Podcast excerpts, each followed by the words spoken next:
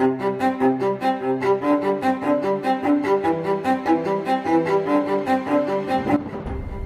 teman-teman, kembali lagi di artos.id FM, ruang media pajakmu.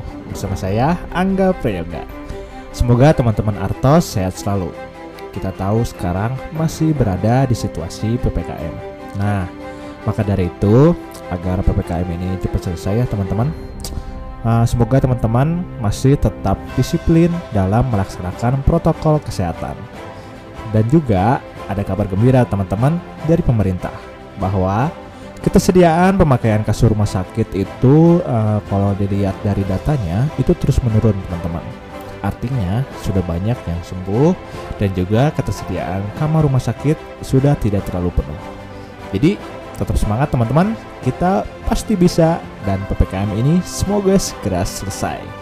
Nah, di episode 11 ini kita punya berita gembira teman-teman bahwa pemerintah memperpanjang insentif-insentif pajak yang sudah berlangsung dan juga pemerintah memberikan insentif pajak baru.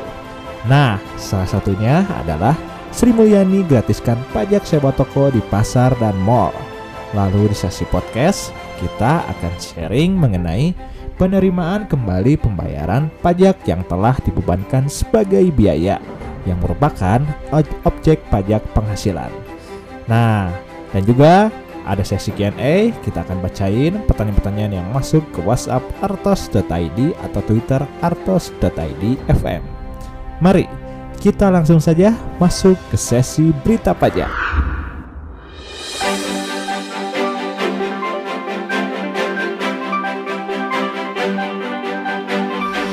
Menteri Keuangan Sri Mulyani menggratiskan pajak pertambahan nilai yang terutang atas penyerahan jasa sewa ruangan pedagang eceran selama 3 bulan yaitu Agustus sampai Oktober 2021. Hal itu dilakukan untuk meringankan beban masyarakat di tengah pandemi COVID-19. Sesuai pasal 2 PMK 102 tahun 2021, pedagang eceran yang dimaksud adalah pengusaha yang seluruh atau sebagian kegiatan usahanya melakukan penyerahan barang dan atau jasa kepada konsumen akhir. Ruangan atau bangunan yang PPN sewanya ditanggung pemerintah dapat berupa toko atau gerai yang berdiri sendiri atau yang berada di pusat perbelanjaan, komplek pertokoan, fasilitas apartemen, hotel, rumah sakit, fasilitas pendidikan, fasilitas transportasi, kantor, atau pasar rakyat. Dalam pasal 3 ayat 1 Sri Mulyani menerangkan, PPN yang ditanggung atas penyerahan jasa sewa ruangan atau bangunan adalah yang terutang atas sewa Agustus sampai Oktober 2021. Berita kedua, Menteri Keuangan Sri Mulyani Indrawati akan memperpanjang insentif pajak pertambahan nilai untuk pembelian rumah maksimal 2 miliar rupiah hingga Desember 2021. Perpanjangan insentif ini membuat pembelian rumah dengan harga jual maksimal 2 miliar rupiah bebas PPN alias PPN ditanggung pemerintah. Semula insentif ini berakhir pada Agustus 2021. Dalam aturan tersebut, pajak pembelian rumah dengan harga maksimal 2 miliar rupiah akan ditanggung pemerintah sebesar 100%. Namun bila harga jual rumah lebih tinggi dari 2 miliar rupiah, yaitu 2 miliar rupiah sampai 5 miliar rupiah, PPN yang ditanggung pemerintah hanya 50%. Berita ketiga, Menteri Keuangan Sri Mulyani membebaskan pungutan pajak penjualan atas barang mewah untuk impor atau penyerahan pesawat udara, kapal pesiar, dan yachts. Pembebasan pajak tersebut berlaku mulai 26 Juli 2021. Hal ini merupakan implementasi dari wacana yang sudah bergulir dalam beberapa tahun terakhir dalam ketentuan bebas pajak yang tertuang di Peraturan Menteri Keuangan Nomor 96 Tahun 2021 yaitu pembelian yang dibebaskan pajaknya berupa pembelian kapal pesiar, kapal eksklusi atau kendaraan air yang dirancang untuk pengangkutan orang, lalu pembelian kapal feri dari semua jenis atau yacht baik untuk kepentingan negara atau angkutan umum dan yang terakhir pembelian kapal yacht untuk usaha pariwisata. Demikian sejumlah berita dan informasi pilihan yang dapat saya sampaikan ke ruang dengar Anda. Nah, di podcast episode ini saya akan sharing ke teman-teman mengenai salah satu objek pajak yang mungkin teman-teman jarang menemuinya. Nah, yaitu penerimaan kembali pembayaran pajak yang telah dibebankan sebagai biaya. Hanya saja dalam Undang-Undang Pajak Penghasilan, tampilan dalam pasal objek pajak tersebut ya, yang tadi saya sebutkan di Undang-Undang Pajak Penghasilan, penerimaan kembali pembayaran pajak itu uh, tampilannya itu digabungkan dengan pembayaran tambahan pengembalian pajak sehingga ditampilkan dalam satu kalimat penuh teman-teman.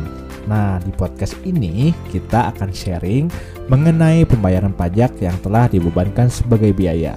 Untuk pembayaran tambahan pengembalian pajaknya, kita akan sharing di kesempatan episode selanjutnya. Nah, pertanyaannya, apa sih penerimaan kembali pembayaran pajak yang telah dibebankan sebagai biaya? Kayak gimana sih bentuk penghasilannya gitu ya teman-teman? Nah, jadi gini teman-teman, penerimaan kembali pembayaran pajak yang telah dibebankan sebagai biaya merupakan salah satu jenis penghasilan. Kenapa? Karena penerimaan kembali ini sesuai konsep penghasilan teman-teman yaitu menambah kemampuan ekonomis wajib pajak. Nah, kok bisa gitu ya?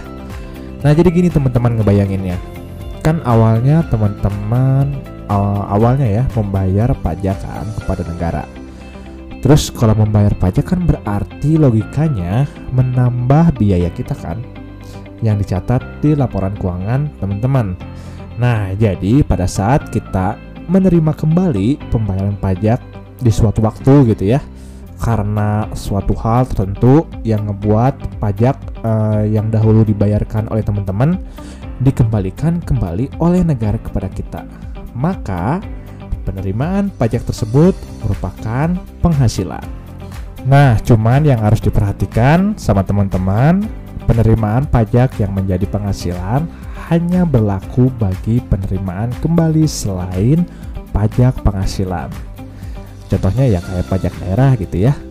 Jika teman-teman menerima kembali pajak daerah, maka merupakan penghasilan objek pajak. Lalu pertanyaannya, kenapa penerimaan kembali pajak penghasilan bukan merupakan penghasilan objek pajak? Karena gini teman-teman, ada penjelasannya.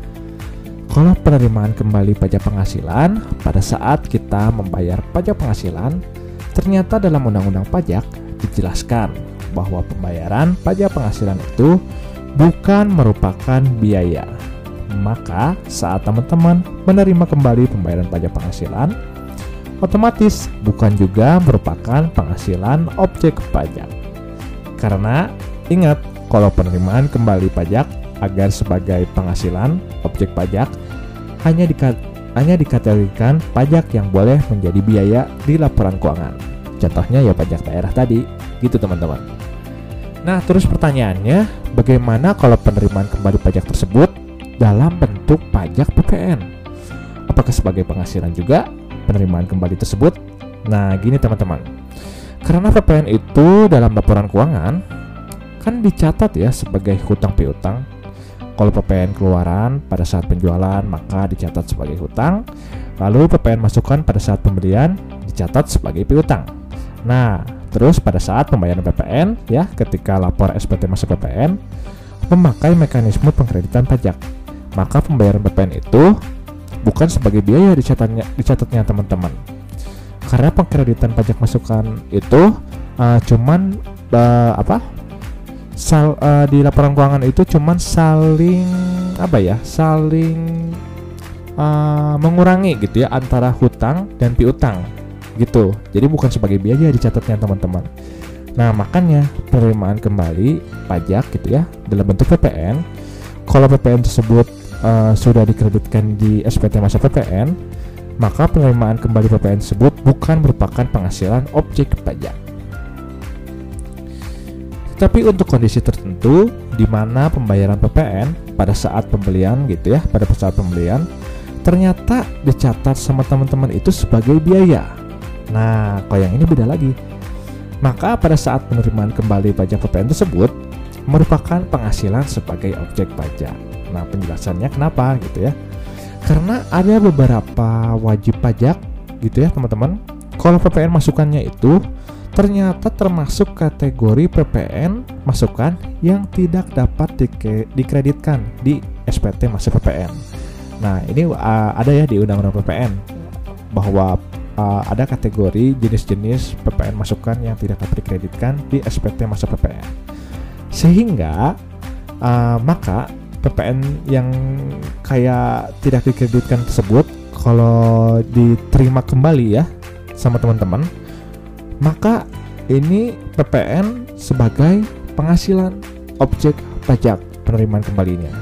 Karena uh, PPN yang tidak dapat dikreditkan pasti otomatis sama teman-teman dicatatnya kan sebagai biaya pada saat pembayarannya gitu ya teman-teman Nah, itulah teman-teman mengenai pembayaran kembali pajak yang merupakan penghasilan objek pajak.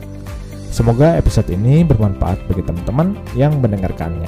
Sehingga dalam menghitung pajak penghasilan, kalau teman-teman menerima penghasilan berupa penerimaan kembali pajak yang sebelumnya sudah dibayar, semoga tidak bingung lagi ya. Ya, ada sedikit pencerahan gitu ya teman-teman untuk perlakuan pajaknya bagaimana. Nah, sekian podcast episode 11 ini. Semoga bermanfaat. Terima kasih.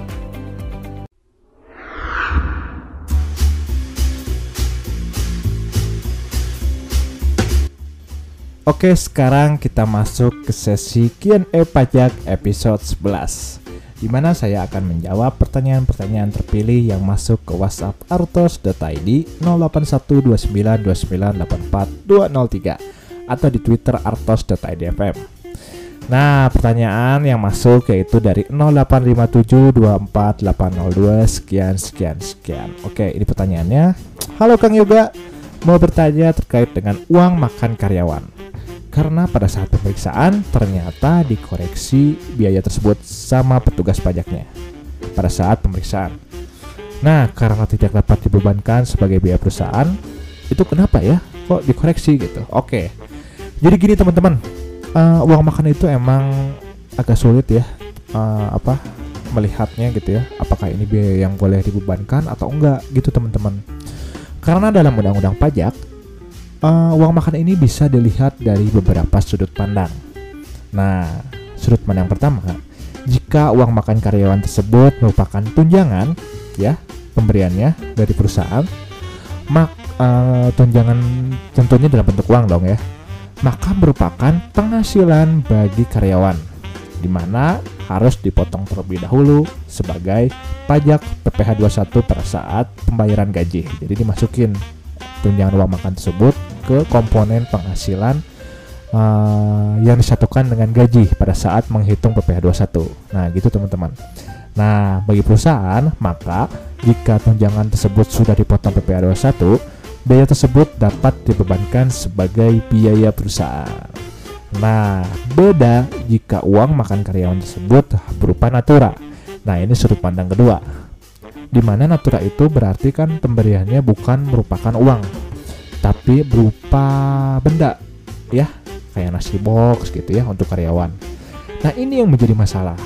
Kalau biaya makan karyawan berupa natura ya, kayak nasi box gitu ya, bukan bu bukan dalam bentuk uang, Nah, cuman pemberian nasi box ini untuk berapa karyawan saja gitu ya yang dikasih nasi box itu. Maka natura tersebut tidak boleh dibebankan sebagai biaya. Karena ini udah ketentuan peraturan undang-undangnya teman-teman, undang-undang pajak penghasilannya. Kalau natura cuman untuk beberapa karyawan, itu nggak boleh dibebankan sebagai biaya. Nah, bagaimana kalau sebaliknya?